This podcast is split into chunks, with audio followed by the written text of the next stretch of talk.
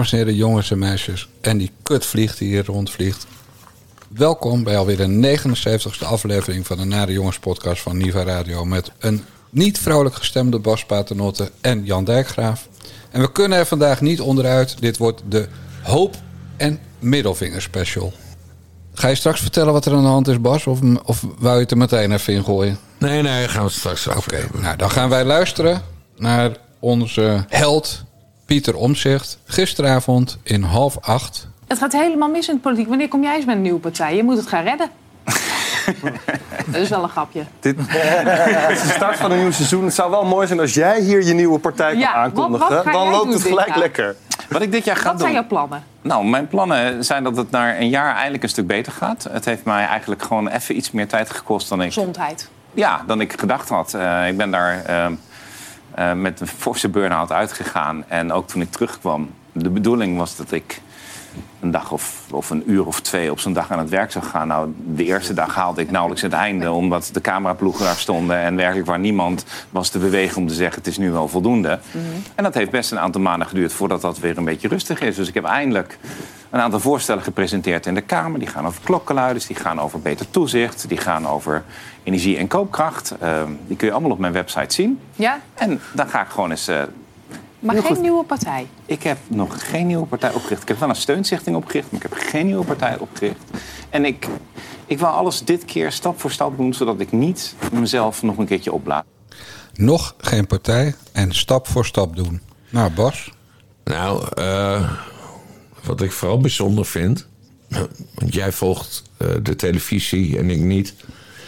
dat half acht eh, of, of, of half acht nog bestaat überhaupt. Het, is, eh, het was gisteren weer voor het eerst met Helene Hendricks als presentatrice. En die wisselt af met eh, Leonie uit het oosten van het land.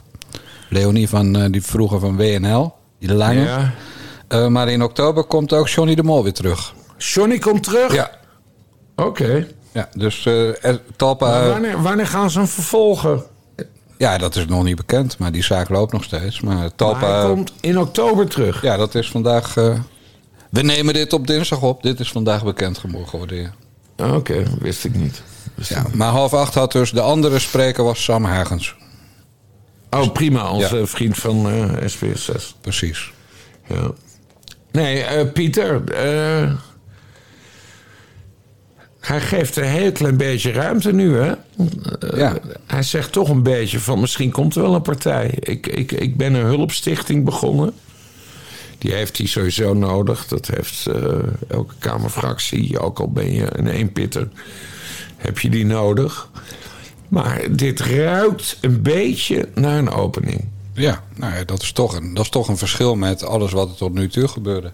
Ja, Want je moet het gewoon achter elkaar zetten. Nog niet. Stichting opgericht, stap voor stap. ja. Nou, welke stap komt er na die stichting? Dat is niet, nou, ik, doe, ik ga stoppen als er nieuwe verkiezingen voor de Tweede Kamer komen. Nee, precies. Dus Pieter om zich begint toch een eigen partij. Dat is mijn Het lijkt, conclusie. het lijkt er een beetje op. Ik zou het, ik zou het dom van hem vinden. Ja, ja, ja, jij wil hem bij jaar 21. Dat, Ja, ik wil hem bij jaar net. dat is zo'n grijs gedraaide plaat, man. Ach, ja. Ja, 21, dat is prima. Maar Joost Eertmans zit er. ja. Als Annabel daar nou lijsttrekker eh, wordt. Joost Eermans is ook oud CDA. Die is begonnen bij het CDA. Ja. Joost Eertmans is oud CDA, VVD, D66, GroenLinks, PvdA, Leefbaar Rotterdam, Leefbaar Capelle, LPF. Alleen, eh, nou, eh, hij heeft nog niet bij de SGP gezeten, geloof ik. Al heeft hij wel zo'n kop. Ja. Ja, Joost Eertmans moet weg en dan eh Annabel Nee, 1 Joost en moet 2. helemaal niet weg. Ik Jawel. ben gek op Joost Eermans. Ik ken Joost Eermans heel goed. Ik ken hem al heel lang. Ja, hij staat op je Wij, lijstje. wij gingen vroeger eh, bij de Chinees in Den Haag eh, eten. Eh, nee, ik ben gek, ik ben gek op Joost, eh, Joost Eertmans. Oké, je moet kiezen. Of Annabel Nanninga of Joost Eertmans. Ja, maar Annabel Nanninga, die zit in de Senaat. Ja, nu nog. Ze willen toch zo graag een vrouwelijke premier in Nederland? Ja, je, je probeert mij nu een, eh, Een keuze. je probeert mij nu een, een opmerking te ontlokken. En ik zal die, eh, ik zal dat dan nu toch maar een keer zeggen. Eh, Annabel Nanninga als lijsttrekker van Jij21 zou een geweldig idee zijn. There, I said it. Ja, heel goed, man. Ja. Eindelijk. Ja. Ja, want dit land snakt naar de eerste vrouwelijke premier. Caroline van der Plas is heel goed op het dossier boeren Ja. en een beetje burgers. Maar Annabel is eh, beter, denk ik. Na een korte inwerkperiode. Ik, eh, ik vind Caroline van der Plas een ontzettend leuke politica. Maar ze heeft niet de esprit en de intelligentie van Annabel Nanninga. Want Annabel Nanninga is, denk ik, naast mijn vrouw... de meest intelligente vrouw die ik ken. Nee, maar echt. Ik ben hier serieus in. Ja, nee, ik, ik, ik- Annabel Nanninga is extreem slim, intelligent, grappig. Eh, maar vooral intelligent. ja. Ik ben het helemaal met je eens, Bas. Ja. Ja, ik heb ook gezegd, ik zal nooit op jaar 21 stemmen... zolang Joost Eerdmans daarbij zit. Want Eerdmans is gewoon een ordinaire partijhopper. Ja, Eh, maar goed. en- daar denk ik en- dus anders over. Ja, ja, en- ik, ik ken Eerdmans persoonlijk. Ja. En Eerdmans deugt. Eerdmans is Nee, dat doet hij niet. Want eh, ik refereerde aan het Kuip-dossier in Rotterdam. Heeft hij ook een dubieuze rol in gespeeld. Ik weet niet wat het Kuipdossier Ja, is. je weet wel dat mijn zoon, de jongste... met zijn tafeltje bij de Kuip zat om te protesteren. Oeh, de Kuip. de Kuip, ja. Ja, nu Had- snap ik. Nee, maar je zegt Kuipdossier. maar De Kuip. De nu Kuip. weet ik waar we het over hebben. Ja. Nou, keurig met Abu Talib meegedaan... omdat kut Feyenoord City van de grond proberen te Maar krijgen. heeft die Eerdmans Bob eh, dwars gezeten? Nee, Eerdmans was toen al weg. Maar zijn partij eh, was niet eh, recht in de leer. Zoals wij eh, van de oude garde zeggen dan. Nee, kom op man, die Eerdmans, die lult toch... Je weet nog wel dat hij een motie van wantrouwen niet steunde. Kom op. Ja, daar heb ik hem op aangesproken. Ja, nou dat bedoelde ik gewoon... Welk eh, debat was dat? Ik weet het niet. geen flauw idee. Maar hij wil me één Jonge ding. volgens mij. Hij wil meedoen. Eh, ja, nee, maar hij, hij kent Hugo de Jonge natuurlijk Van uit, vroeger. Rotterdam. Precies. Dat, bla, bla. Maar dat is het mooie van Joost. Ik heb hem toen gebeld en gezegd van... Joost, wat de fuck is dit? Maar ja, dan, dan, dan zegt hij gewoon... Ja, nee, zo, zo sta ik erin. En eh, nee, nee, Joost Eerdmans, hij... Hij deugt. Ik mag hem graag. Niet. Maar ik wens ja 21 Annabel Nanninga toe als lijsttrekker. En we weten allemaal dat de paternotters in dit land heel veel invloed hebben. Dus wat gebeurt er vanavond bij Joost Eerdmans thuis?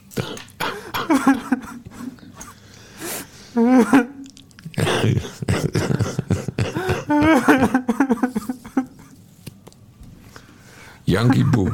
En wat zegt mevrouw Eerdmans? Rot op! Rot op!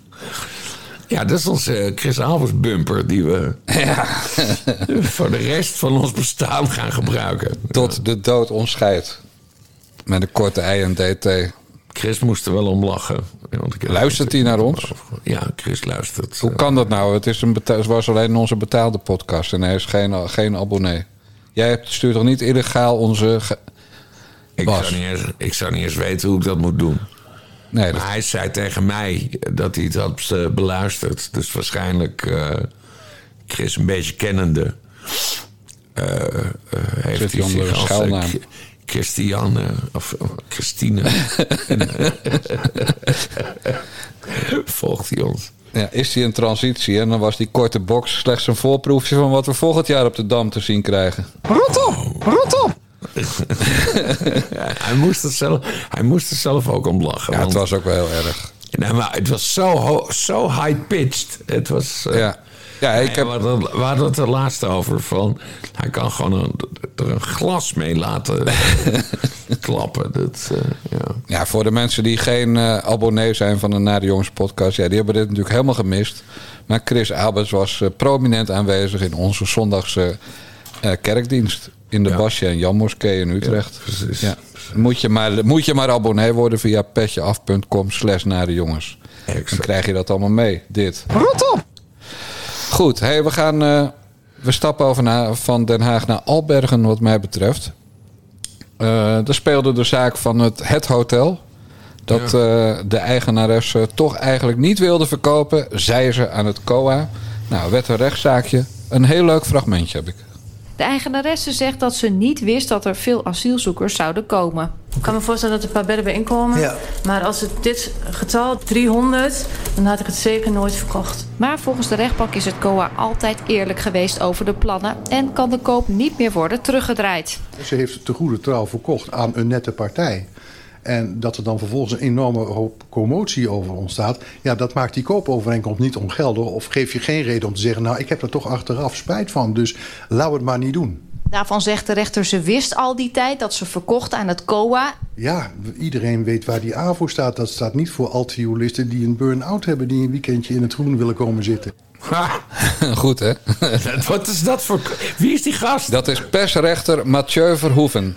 En als je, hem, als je hem googelt, vind je nog wel meer leuke dingen van hem. Maar dat is geen D66-rechter. Dat was ook niet de rechter die de zaak van die, eh, dat hotel gisteren behandelde, maar dus de persrechter, de Ja. woordvoerder.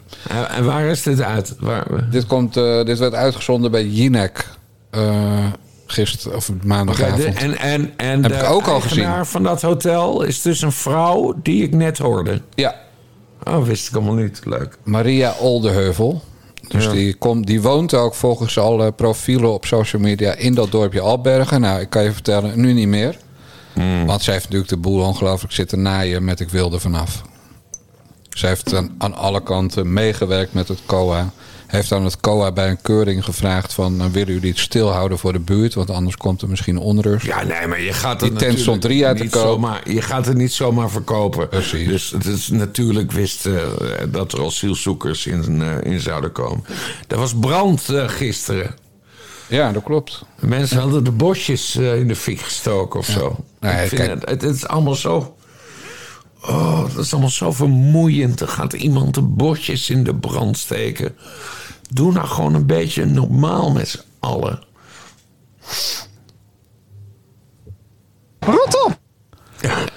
ik snap die mensen wel eerlijk gezegd. Dat ze de bosjes in de brand Ja, het is hartstikke dom en fout, dat wel. Maar ik snap wel de emotie dat als je je zo genaaid voelt. Hè, Dus dat, dat deze mevrouw stiekem met het COA onderhandelt. Maar de burgemeester van Tubbergen heeft dat net zo goed gedaan. Eh, en die kwam er dan niet uit, zegt ze. Maar er wordt altijd met het COA stiekem onderhandeld. En dat snap ik ook wel. Maar dan ben je niet echt bezig met het belang van een gemeenschap. Nou, nu, Nou ja, wat mij, Een wat, bosje mij is- vooral, wat mij vooral opvalt is dat, eh, dat het hele kleine gemeenschappen zijn. Hè? Echt, echt, echt dorpen met, met een paar duizend mensen. Waar dan opeens eh, duizend asielzoekers in gepompt worden. ja. Zoutkamp, idem. Ja, maar ik, ik snap dat dus niet. Nou, weet je wat het is? Het, eh, Albergen valt onder Tubbergen. Maar dat eh, hotel dat staat weer in een, in een buitenwijkje van Albergen. Dus Albergen heeft 3500 inwoners. Maar in dat buitenwijkje wonen eigenlijk maar 200 mensen. ja. Dus die krijgen er 2 tot 300 asielzoekers bij. Eh, dat Zoutkamp is ook eigenlijk een, ja, eh, een dorp van niks. Waar ook al een gevangenis eh, staat, dacht ik. Of nee, dat is Ter Apel. Ter Apel staat een gevangenis ook. Zoutkamp staat een militaire. Nou, daar, daar komen nu asielzoekers in.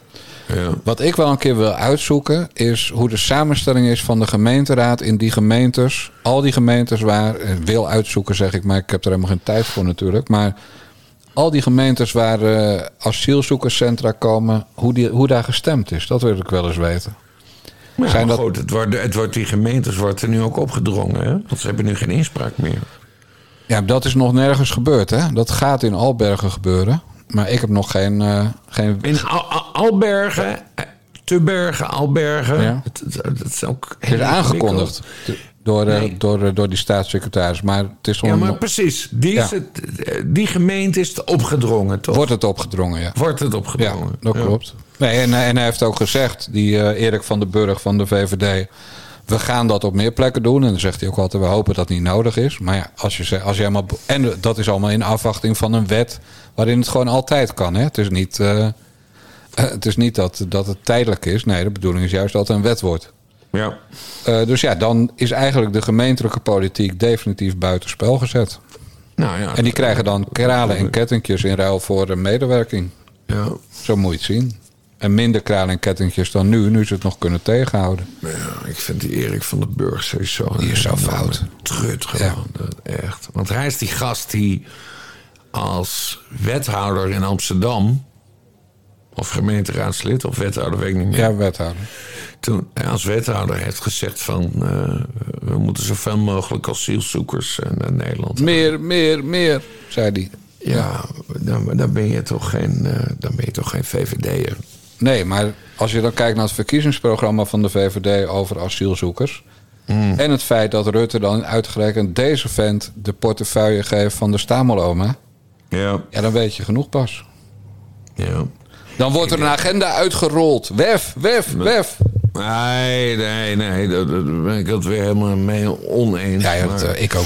Ik toch zelf Nee, ook. man. Die van den Burg die heeft een hele lange eh, periode eh, door de instituties van de VVD gemaakt. En dan word je op een gegeven moment beloond.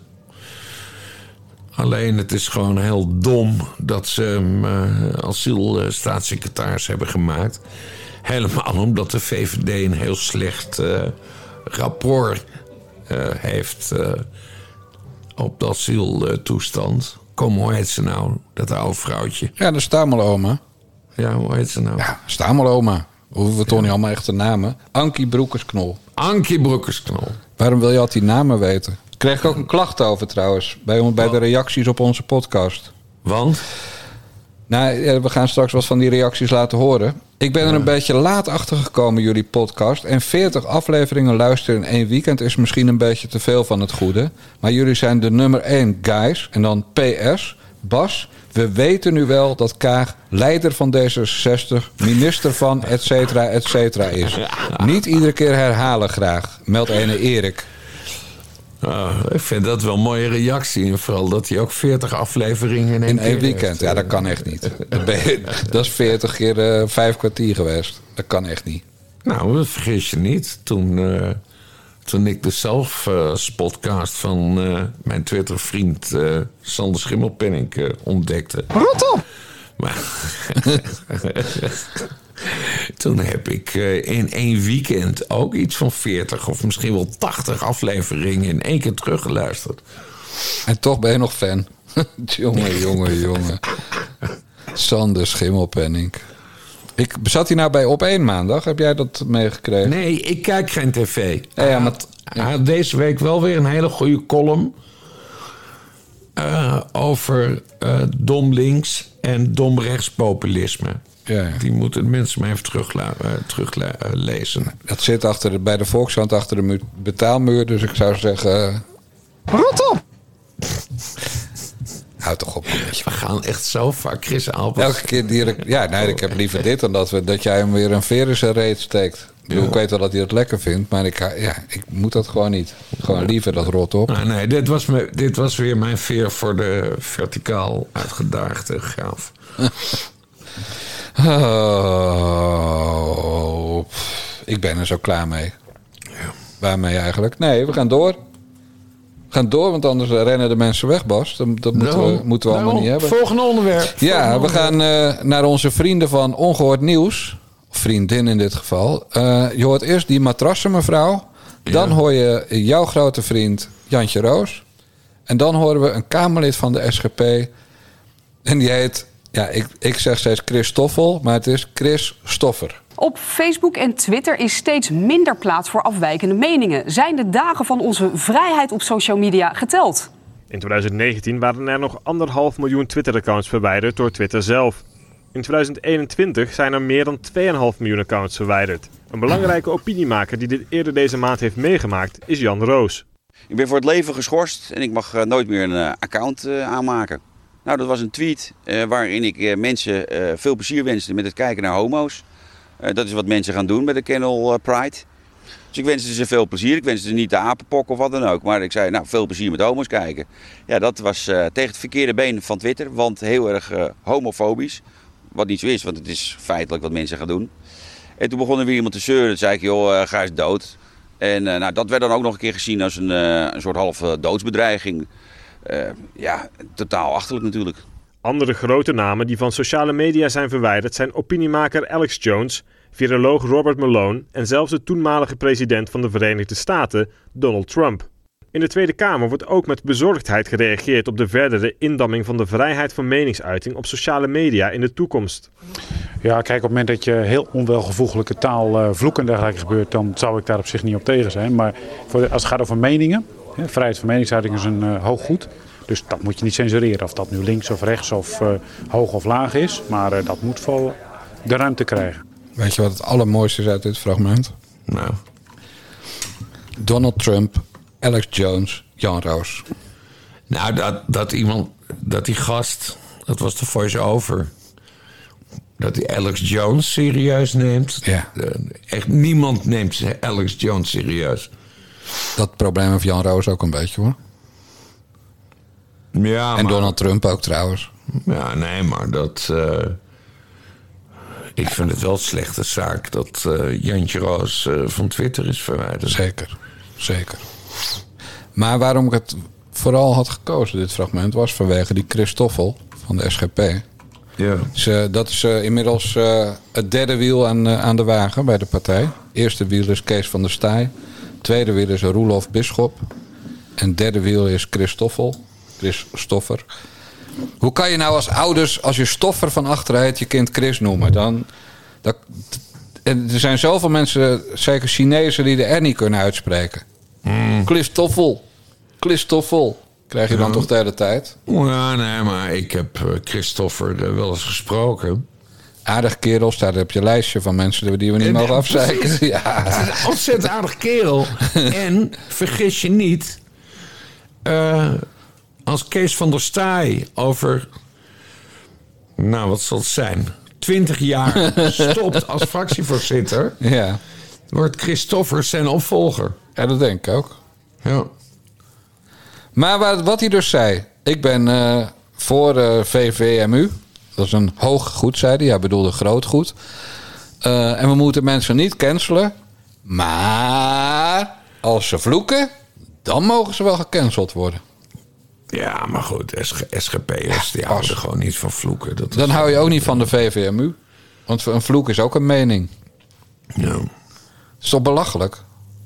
Ik ben, ik ben voor de VVMU, maar nou, dat is precies de taal die linksgekkies en rechtsgekkies allemaal uitslaan. Nou, ik heb een zwak voor eh, SGP'ers. Ik ook, maar daar gaat het om. Dat hoe, Verder, verder ben jij familie van een SGP'er. die vreemd ging, ja, ik weet het. Wrijf het er maar weer in elke Ging, ja. Wrijf het er maar weer in. Neef Elbert, ik kan er niks aan doen. Het is Bas. En ba je staat bij Bas ook op de lijst van mensen die die nu Hij afzeiken. haar maar- tegen het plafond. Hè? En daardoor kreeg ze last van de nek. Zo is het, ja. het was geen lage zaal waar dat gebeurde. nee, laat neef Elbert maar schuiven. Hè? Ja. Die is toch een hele. Kijk, ik had dus twee bekende neven. En neef Elbert is helemaal deze kant eh, opgegaan. Hè? Ik weet niet of je wel eens een recente foto van hem hebt gezien. Maar ja, het is gewoon een. eh, het is gewoon een hippe man geworden. Qua kleding en alles. Ja. En die andere neef, ja, dat was een soort geniaaltje. Die werd wereldwijd de hemel in geprezen. Ja, Ja, het is nou namens theorie. D66 minister. Ja, precies. En die, die noemt zich ook nog steeds Robert met twee B's, hè? Terwijl ik toch lang genoeg nu heb ge- geroepen hoe die echt heet. Het is, het is wel grappig. De, zowel de familie Dijkgraaf als de familie Paternotte. Eigenlijk zijn we gewoon de Nederlandse Kennedys. Nou ja, ik, wilde, ik wil eh, Robert Dijkgraaf van D66 geen Kennedy noemen. Die is volledig mislukt als minister. Terwijl ik daar oprecht wat van verwacht had. Ja. Maar het is echt een wedstrijd bij, de, bij D66. Het vorige kabinet was natuurlijk eh Ollongren eh, de grote faalhaas.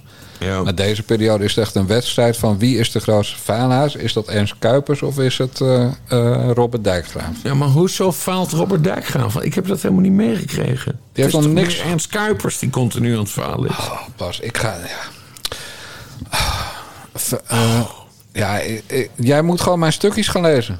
Ik heb, ik heb een uitgebreid stuk geschreven, een briefje aan eh, mijn neef.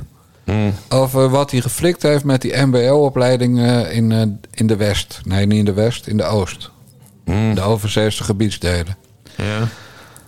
Dat de lessen daar in het papiamento mogen worden gegeven.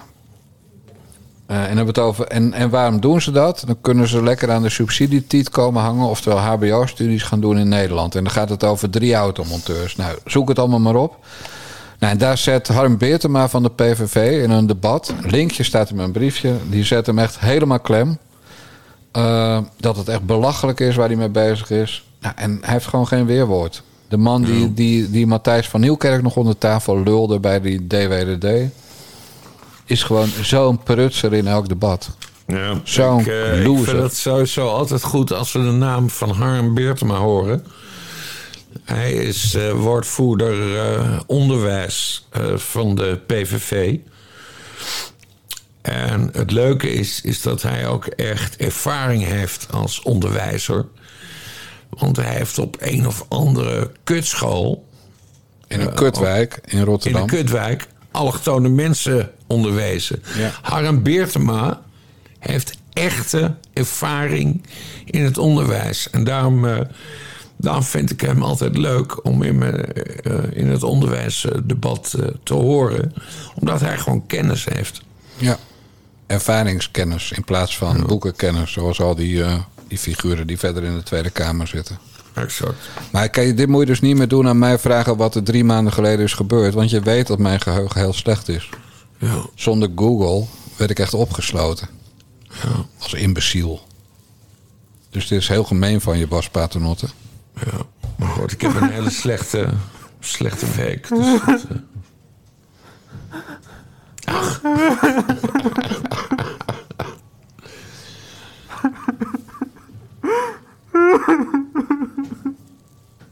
Dan weet je dat. Welk effect je op me hebt. Ja, precies. Ik gaf een haakje aan je. Ik zei dat ik een slechte week heb. Ja, ik hoorde het. Want eh, daar gaan we nu naartoe. Jou, wat jou overkomt is veel erger dan wat mij overkomt. Iemand wilde een kogel in je kop jagen. En dat Ja. stond op Geen Stijl in Basjov. En daar hebben we het uiteraard over gehad. In de Nare Jongens eh, kerk, eh, Friendcast. De kerkdienst in de Basje en Jan Moskee. En nadat wij in de kerkdienst hadden opgenomen... en ik jou had geadviseerd... pak die vrouw en kinderen van die man nou niet aan... want dat, die hebben er niks mee te maken. Doe gewoon aangifte. Maar daarna was er nog een nieuwe ontwikkeling. Nou, die meneer heeft een, eh, een mail gestuurd aan Geen Stijl. Eh, dat hij eh, zijn werkgever heeft ingelicht. En volgens hem gaat die werkgever... hoe heet dat? Disciplinaire maatregelen? Ja, dat hij een aantekening krijgt. Oh, een Dus dossier hij, wordt niet, hij wordt niet ontslagen. Officiële waarschuwing. Maar, je krijgt dan een waarschuwing Ja. in, je, in, je, in je Dossier. dossier. Had jij ook bij Metro. En, eh, Ga verder. En, eh, en, en die meneer heeft eh, aangifte bij de politie gedaan van zijn eigen uitspraken. En dat heeft hij digitaal gedaan. En daar heeft hij screenshots van eh, gestuurd. Dat vond ik wel heel erg interessant. Hij Ja. is extreem diep door het stof gegaan. Maar ik merkte bij mijzelf, ik had dat zondag al een beetje. ehm, het heeft mij meer aangegrepen dan ik, eh, dan ik dacht. Eh, Erik de Vlieger twitterde eh, naar mij. Eh, of die, die vroeg van, wat, wat, wat ga je doen? En, en toen heb ik dus, eh, naar aanleiding van ons gesprek... gezegd van, nou, ik ga geen aangifte doen... maar het, het, heeft me wel erg aangepakt. En daar ben ik vooral deze week achter gekomen... dat het... eh, ik, kan, ik kan het niet eens goed onder woorden brengen, maar... Ja, iemand wilde mij door mijn hoofd schieten. Het heeft me, het heeft me meer aangepakt dan ik in eerste instantie had verwacht. Ja. Maar die gast... Ik heb, dit is de, ik heb nog nooit zo'n serieuze doodsbedreiging meegekregen. Weet je nog wat er letterlijk stond? Ja, door het hoofd schieten. Ik ga je door het hoofd schieten. Ja. Ja, ja dat is grof. Weet, weet jij de naam of niet? Ja, ik weet, ik weet wie het is. Ja. Maar ik heb verder geen contact met die eh, meneer. dat doet geen stijl voor je. Hij heeft, ja, dat, dat, dat doet geen stijl. En eh, omdat hij ook mijn neefje eh, heeft bedreigd, is de NCTV ermee eh, bezig. Dus die meneer die krijgt ongetwijfeld een, eh, een, eh, een, een taakstraf.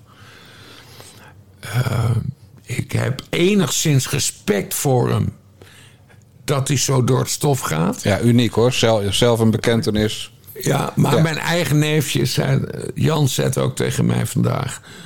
van, och, dat die man zo door het stof gaat. Dat is wel heel eh, opmerkelijk.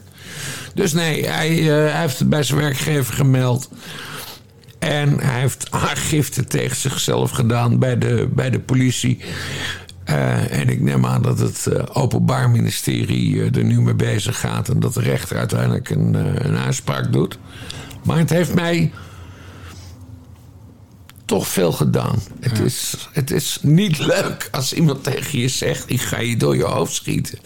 Kom op. En slaap je dan ook slecht? Hierdoor? Ja, nee, ik heb er. in eerste instantie had ik er dus geen last van. En in tweede instantie, toen. Toen, toen, toen, ja, toen, toen drukte het door, toen zakte het door. Toen, toen, toen begreep ik wat er eigenlijk tegen mij gezegd werd. En eh, nee, ik ben er. eh, ik ben er nog steeds van, van slag op dit moment. Ja. Maar jij zei dat hij een mail naar geen stijl had gestuurd. Dus eigenlijk naar jou, maar hij weet je adres niet. Ja, hij heeft, hij heeft geen stijl, heeft hij dus gemeld. En wat stond daar dan in? Ik ga mezelf aangeven. van- nee, hij heeft, hij heeft echt de screenshots gestuurd van Ja, later. aangifte. maar die en- zondag toen je... En, en, en de boodschap die hij aan, eh, aan zijn eh, werkgever heeft eh, gestuurd. Ja. Dus het kan zijn dat hij niet op cent heeft gedrukt. Ja, daar zat ik ook over na te denken. Is hij mij nou aan het, aan het verneuken? Of is hij oprecht? En mijn gevoel... En je hebt helemaal niks aan gevoel. Want dat gevoel is geen bewijs. In gevoel, wonen geen mensen. Oh nee, dat was hij. Maar mijn, mijn gevoel is dat hij wel oprecht is. Dus dat hij het echt aan zijn baas heeft gemeld. En dat hij aangifte tegen zichzelf heeft gedaan. Daar heb ik de screenshots van gezien. Ja.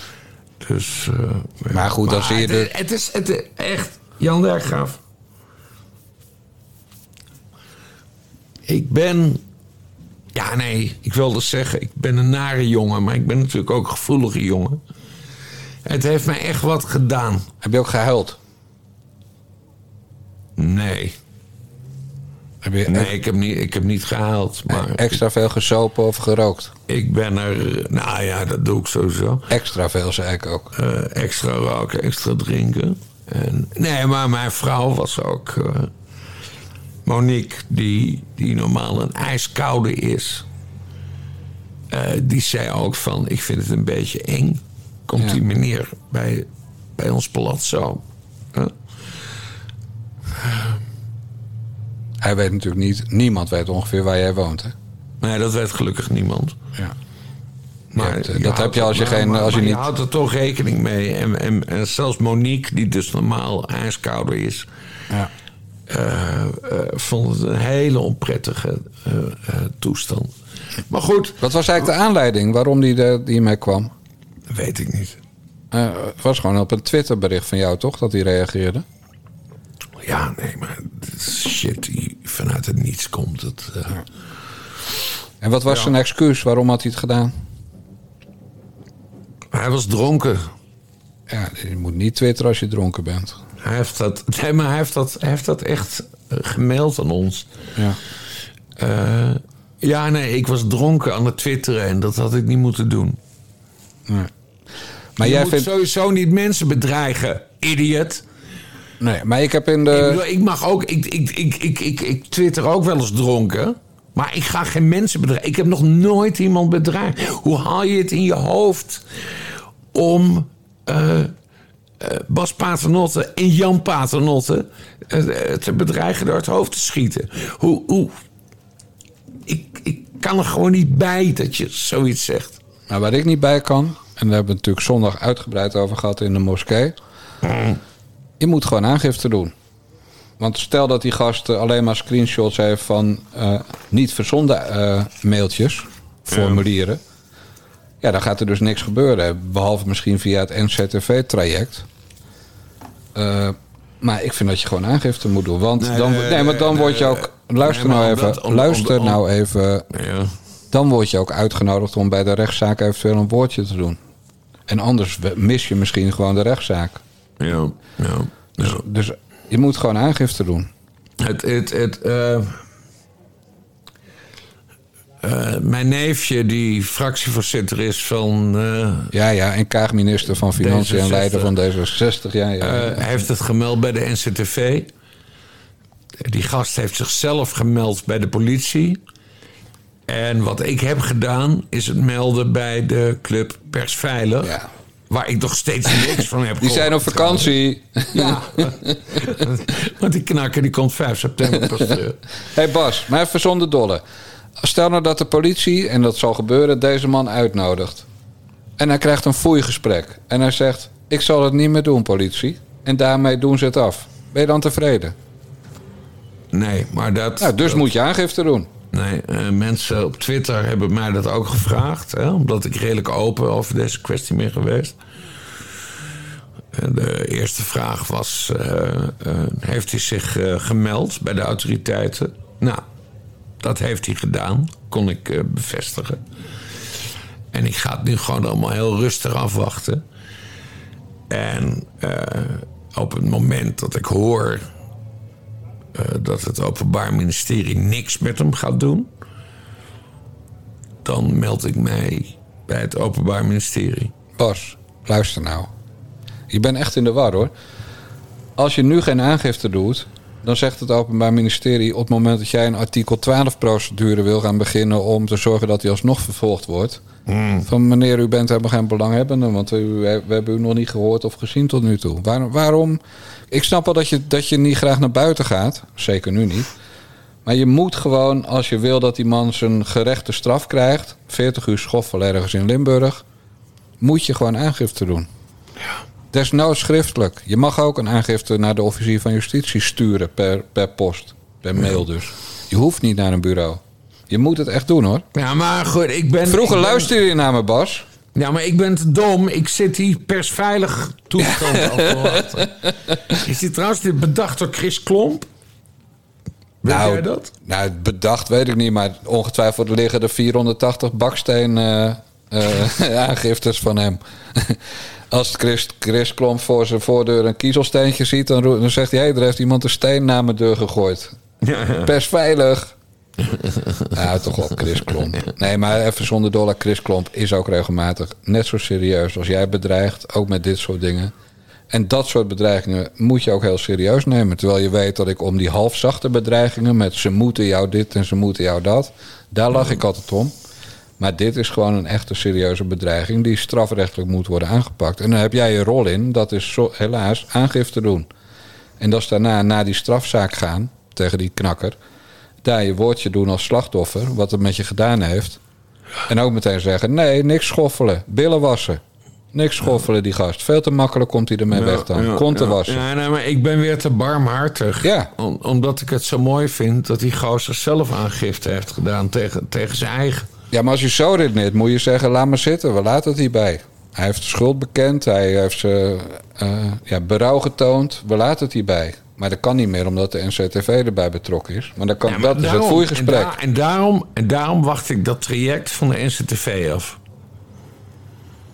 Ja, nou en het mooie is dat de NZTV eigenlijk ook geen poot heeft om op te staan. Want hij zegt nergens dat hij Jan Paternotte van D66 een kogel door zijn kop wil schieten, maar je tweelingbroer. ja. En die heb je helemaal niet. Nee, want ik heb geen Dus tweelingbroer. strikt formeel kan hij zeggen: Ik heb helemaal Jan Paternotte niet bedreigd. Dat was Nee. een tweelingbroer van Bas. En Bas heeft Ja. geen tweelingbroer. Maar hij heeft zelf aangifte gedaan. En Zegt hij. Dat zegt Nee, daar heb ik dus Nee, screenshots van. ja, gezien. van een ingevuld formulier. Maar heb je ook een, ook een screenshot van de bevestiging van ontvangst van de politie? Eh, ik heb een screenshot dat hij het verstuurd heeft. Hij heeft het echt verstuurd. Ja, misschien is hij wel handig met internet. En met computers. Fuck, ik, misschien word ik toch verneukt. Gewoon aangifte doen, Paternotte. Geen geluk. Wat vindt mevrouw Paternotte dan over aangifte? Enige- Monique, eh, Monique vond het heel barmhartig van mij dat ik deze meneer op een bepaalde manier heb vergeven. Want Monique weet dat ik een erg passioneel, fel mannetje kan zijn. Eh, nee, zij vond het wel oké dat ik hem heb eh, vergeven. Ja. Maar dat heb je niet, want je wil dat hij een echte straf krijgt. En geen foeigesprek. Ja, maar die straf wordt ook niks, want hij krijgt gewoon 40 uur taakstraf. Ja, nou, dat is gewoon straf. Ja, dat kost hem toch 40 uur vrije tijd. Goed, dus ik moet alsnog aangifte. Vind ik wel. En ik weet dat je niet gaat luisteren, dus eh, we gaan het er heel vaak over hebben nog. Even, even pennetje, pen pakken. Aangifte. Met, met twee A's van Ahmed Arad. en die, eh, die matrassen mevrouw. Aangifte doen. En dat kan dus rechtstreeks bij de officier van justitie per mail. Je hoeft niet naar het politiebureau. Dat doet trouwens, eh, volgens mij doet eh Sidney Smeets, je weet wel, die viespeuk. Die doet ook heel vaak aangifte. Hè? En volgens mij doet hij het ook altijd schriftelijk af. En ik dacht ook rechtstreeks bij de officier van justitie. Dus je kunt in het palazzo blijven in, aan een van de vele Utrechtse grachten. En toch aangifte doen. Zo, daar ben jij weer Nee, bijgepraat. ik, eh, je, je hebt me overtuigd, ik ga aangifte doen. Nou, top. Nou, top. Terecht. Gerechtigheid. Want de handen af van Bas Paternotte, al was het maar... Ja, omdat ik tegenwoordig ook weer helemaal afhankelijk van jou ben... bij de Nare Jongens podcast. Want zonder jou geen podcast, Bas. ja, maar ik, ik, ik zonder jou ook niet, Jan. Oh my god, we zijn gays nu. we, li- we lijken wel die Niek en Simon. Rot op! Hello, darkness, my old friend. I've come to talk with you again. Because a vision softly creeping left its seeds while I was sleeping. And the vision that was planted in my brain still remains within the sound of silence. In restless dreams, I walked alone, streets of cobblestone. Neath the halo of a street lamp, I turned my collar to the cold and damp. When my eyes were stabbed by the flash of a neon light that split the night and touched the sound of silence. And in the naked light, I saw ten thousand people, maybe more. People talking without speaking People hearing without listening. People writing songs that voices never shared.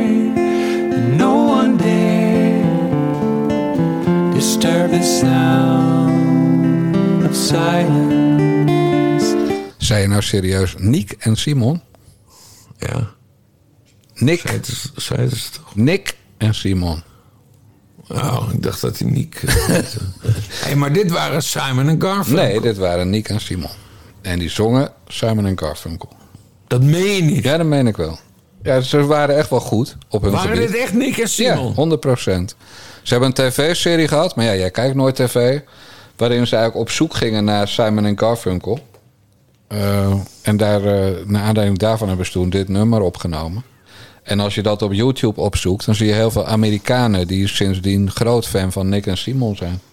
Van jouw Nou, taal, dan, hebben Nick. ze, dan hebben ze ze echt heel goed nagedaan. Want Ja, maar ik- ze- ik zei al, ze waren in hun genre echt goed toen ze nog leefden. Want Ja. ze zijn dood als duo.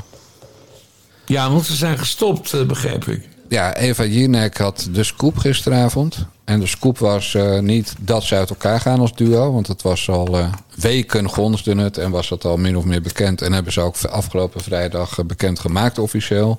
Dus Jinek, de primeur, was weg. Maar ze had wel het eerste interview met die twee. En het is weer tekstboek hoe je niet moet interviewen op televisie. Voor de school van journalistiek geweest, dat interview. Want ze heeft wel de hamvraag gesteld van beste Nick, klopt het dat je ermee wil kappen omdat die Simon een smerige vreemdganger is? En dat niet past bij jouw normen en waarden? Besmuikt heeft ze die vraag wel gesteld. Maar toen zei Nick, die Simon de hele uitzending niet aankeek en af en toe wel doodkeek en ook verveeld om zich heen keek, zich heel ongemakkelijk voelde, die zei toen: Nee, dat heeft helemaal niks mee te maken. Want het is Simons initiatief om te stoppen. En we blijven vrienden voor, het, voor altijd. Ja, jij, zit meer in die entertainmentwereld eh, dan ik. Eh, wat is hier aan de hand? Hebben die mannen echt ruzie met elkaar? Of is dit gewoon een zakelijke afspraak van... eh, we hebben het lang genoeg gedaan, we stoppen ermee. Ja, weet je, oh, die Simon, die, laat ik maar even zijn versie van het verhaal, is gewoon: de koek was op. We hebben 16 jaar samen, vanaf, vanaf school, hebben we 16 jaar lang samen hits gemaakt. Heel veel, geld, heel veel centjes verdiend, dat zei hij allemaal niet, maar dat is even in zijn hoofd.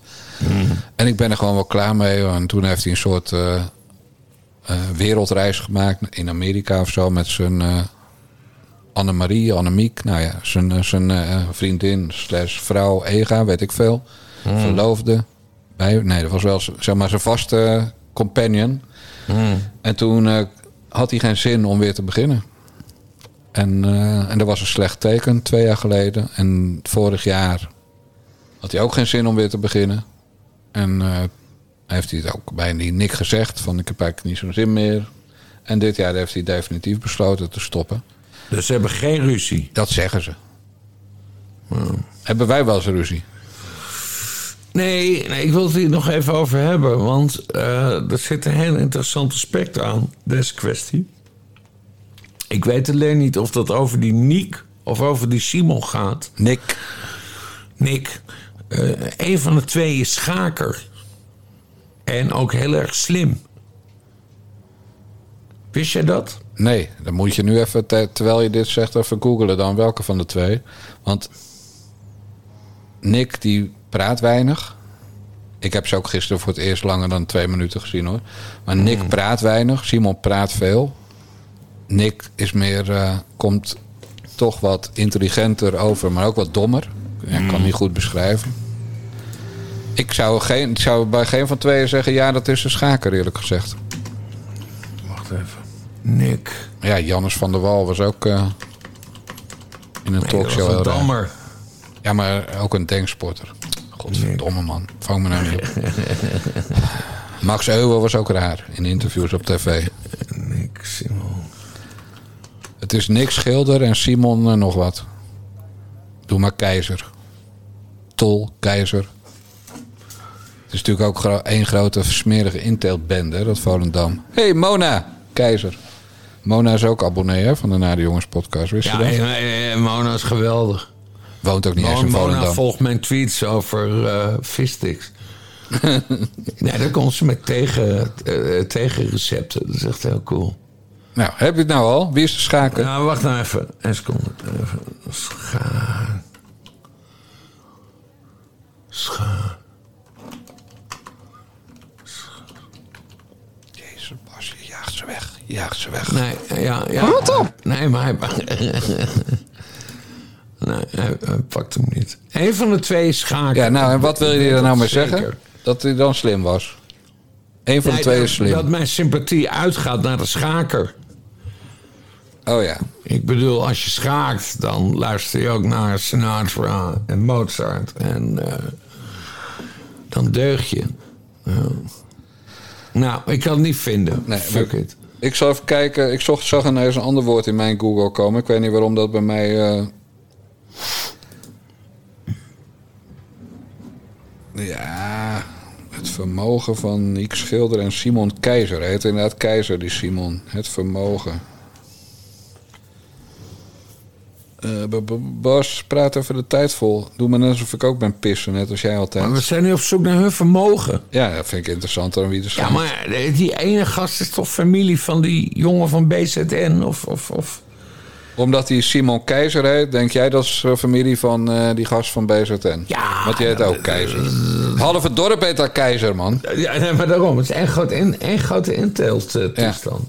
Maar hoe, hoe erg vind je het dat Nick en Simon zijn gestopt? Gaan stoppen, want ze doen natuurlijk nog een Oh, dat vind, ik, eh, dat vind ik verschrikkelijk. Dit Ja. is een van de, de ergste dingen die ik ooit heb eh, meegemaakt. Het, eh, echt, ik, heb, ik kan niet eens een nummer opnoemen wat ze hebben gezongen, Dijkgraaf. Echt, ik weet het niet. Alles van Simon en Garfunkel. Maar die kan je natuurlijk ook niet opnoemen. Nou, dat deden ze dus wel knap. Dat heb ik net al gezegd. Ja, nee, dus er is ook een filmpje waar, wat die Simon dan kreeg van eh, Paul Simon. En die doet dan de groeten aan, Si- aan eh, Nick, en Si- Nick en Simon. Meen je niet? Ja, en dan, dan staat die Sim- Simon, die staat dan echt met hele grote ogen. Hij heeft ook een bril. Staat hij met hele grote ogen naar dat filmpje te kijken. Echt, dat is echt eh, het moment van zijn leven. Dat werd ook bij, bij Jinek vertoond. Dat, en dat was dan weer het hoogtepunt van hun periode van die Nick. Dus als je nou echt denkt van wat een teringleier is die Simon... dan laat je niet het hoogtepunt zien wat eigenlijk Ja. het hoogtepunt van een ander was. Maar die Paul Simon, die complimenteerde ze dus. Nee, maar serieus. Amerikaanse reviews over hun, die zijn echt eh, louter positief. Wat we bijvoorbeeld van Glennis Grace niet kunnen zeggen. Moeten we het daar nog even over hebben? Nu we toch in de showbiz zitten. Glennis Grace is naar Ter Apel geweest. Ja. En hij heeft allemaal meuk over de hekken gegooid. ja, ja, ja. Ongesorteerde meuk. Ja. Ik durf te wedden, ongewassen meuk. Gewoon van Ja, nee, maar ze kijk, eh eh, Glennis Grace, die ook een gouden strot heeft, dat, dat, dat zeg ik gelijk. Eh, is in opspraak gekomen omdat ze met haar. eh, Possie. Haar, haar bende. een, een Jumbo-supermarkt in elkaar heeft geslagen. En nu, en nu gaat ze naar Ter Apel om de arme asielmensen te, te helpen. Maar wij doorzien dat natuurlijk direct. Ja, want er komt een rechtszaak aan. Precies, dus ze, ze probeert goed, eh, goed in het licht te komen. Een bruine arm te halen bij de rechter, moet je dan zeggen. Maar ik, ik, las, eh, ik, las, ik las vandaag dat minstens drie asielorganisaties hebben gezegd... wij zaten eigenlijk niet zo op Glennis Grace te wachten. Ja, en eh, er was ook wel een soort mot. Want ze stond in de, in de weg bij het, Rode, bij het Rode Kruis... waar ook de ambulances kwamen om eventuele mensen op te halen. Dus, dus ze bracht daarmee ook mensen misschien wel een beetje in gevaar. Ja, en verder flikkerde ze inderdaad die hele bende gewoon maar neer... waardoor het eh, ja, wel een soort opstootje werd. Want ja... eh, Nee, maar wij elke, hebben elke zondag al voorspeld Ja, dat tuurlijk. het een teringzooi zou worden. En het is een teringzooi geworden. Absoluut. Elke, echt, al die sterke bruine mannen, ja, die pakten dan weer een knuffel. En ze pakten weer een maandverband. En ze pakten weer paracetamol. Maar daar waren ze natuurlijk helemaal niet naar op zoek. Ze wilden iPhones, maar die had ze niet mee. Nee, het was, het was wel lachen. Want zij deed net alsof er eh, alleen maar vrouwen en kinderen waren. Eh, bij wie ze met die zeven auto's en een aanhanger al die oude meuk kwamen brengen. Ja. Maar ja, het zitten natuurlijk voornamelijk mannen. Hoewel, vooral mannen dat wordt ook erg ge- ge- ge- gefact-checked en dan is het niet waar. Hè? Dan zie je een foto met 200 mannen, één vrouw en een kind. En dan zegt zo'n fact-checker op Twitter. Meestal zijn die eh, stemmen die geen eh, PVV of Ja 21 of zo. Die zegt dan, het, het is echt niet waar hoor... dat er eh, meer mannen dan vrouwen zitten in Ter Apel. Echt een leugen. Nee, maar dan komt dat die gasten van 32 daar ook zeggen dat ze 16 zijn. Ja, precies. Dat zijn dan Dat kinderen. Bruine kindjes, zielig. Ja. Maar goed, dat is allemaal opgelost, want ze gaan naar Zoutkamp. En daar worden ze bewaakt en alles. Joh, Bas, het is één grote fuck- fuck-up geweest. Dat hele gedoe op dat veld bij Ter Apel. 200, er was ruimte in een tent op dat terrein voor 200 man. Maar die tent die mocht niet open. Van de gemeente, zegt Ja. Mark Rutte. Nou, ze konden ook naar andere plaatsen, maar dat wilden ze niet... omdat ze dan hun plek in de zogenaamde rij kwijt waren. Dus het is echt gewoon allemaal voor... En er komt ook, tot overmaat van eh, ramp... komt eh, Judith Sargentini van Artsen zonder Grenzen... oud-VVD eh, prom- of deze GroenLinks-prominent. ja, ik haal ze tegenwoordig allemaal door elkaar, die linkse partijen. Maar Sargentini van Artsen zonder Grenzen, die, die roept dan ongeveer de noodtoestand uit. Want Ter Apel is net Moria. En heel toevallig had eh, Sophie in het veld van D66, Europarlementariër, moet uh, zou had achter zeggen. Die had eh, een paar dagen eerder ook al de link gelegd tussen Ter Apel en Moria. En Moria is de plek, een tentenkamp in Griekenland, waar duizenden mensen buiten sliepen. En dat is afgefikt, grotendeels. Aangestoken Ja, door dat vier raakt- asielzoekers. Dat, dat raakt ook in brand. Er is helemaal Precies. geen brand in Ter Apel geweest. Nee, dat is helemaal afgefikt. En dat is natuurlijk levensgevaarlijk. Er zijn vier Ja. man asielzoekers voor veroordeeld in Griekenland. Ja, want ze hadden het zelf in brand gestoken. Precies. Ja, Om, een beter, om een beter hotel te krijgen. Maar ja, ze hebben niet overal een, eh, een eh, Maria Oldeheuvel in, in Almhoven. Albergen, sorry. En, en, en eh, ja, wie, oh, Van der Valk, de familie. De Van der Valkjes lopen weer helemaal binnen op de asielzoekers. Walgelijk is het, echt waar. Gewoon hup, mooie, mooie porto-cabins. Achter in de tuin bij Mark Rutte, bij Hugo de Jonge. Niet zo moeilijk doen.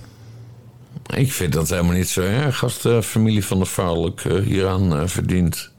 Ik bedoel, waarom niet? Als jij, stel, hè, ik weet dat het heel hypothetisch is. Maar stel dat jij mevrouw Paternotte wil verwennen op een nachtje in, de, in, een, in een suite in het Van der Valk Hotel. Met een bubbelbad waar, waar je schoon in wordt. Nee, Weet dat is waar, daar gaan we niet naar Van der Valk. Nee, maar stel. Nee, maar wij gaan altijd naar... eh, Naar Rijnauwen Laaswold gaan jullie. in, eh, nee, wij slapen in Laaswold. Ja, dat weet ik wel. Geen reclame maken. Geen reclame maken. Eh, want dat, zo zijn wij niet, hè? Want dan krijg je weer geld van, eh van Lauswold en dat willen we allemaal. Maar goed, dat terzijde. Bas, Mijn als jij dan... Nee, wacht even. Nee, ik was bij Van der Valk Mijn, mijn, mijn familie komt al ruim 50 jaar op uh, Lauswold. En ik kom daar ook wel eens eh BN'ers tegen. Maar daar heb ik het nooit over, volgens mij. Lauswold is, eh, is voor ons. Nou, dan moet ik toch even wat opzoeken op mijn telefoon. Voor de mensen van Lauswold. Ik heb het bijna hoor. Ja, ik heb het nu. Beste mensen van Lauswold. Hij heeft jullie naam nu zes keer genoemd. Hij heeft gezegd dat jullie al 50 jaar... een van de belangrijkste en beste hotels van Nederland zijn. Dus als jullie even een pen kunnen pakken. NL, Nico Leonard. 95 95 Bunk, Bernard Utrecht, Nico Querinus of zoiets. 20 56 90 94 48. Nogmaals, NL 95 Bunk met een Q 20 56 90 94 48. Daar kunt u storten. Dat is namelijk de donatierekening van de Nare Jongens podcast. Ja. En bij een donatie is het belastingvrij. Ja.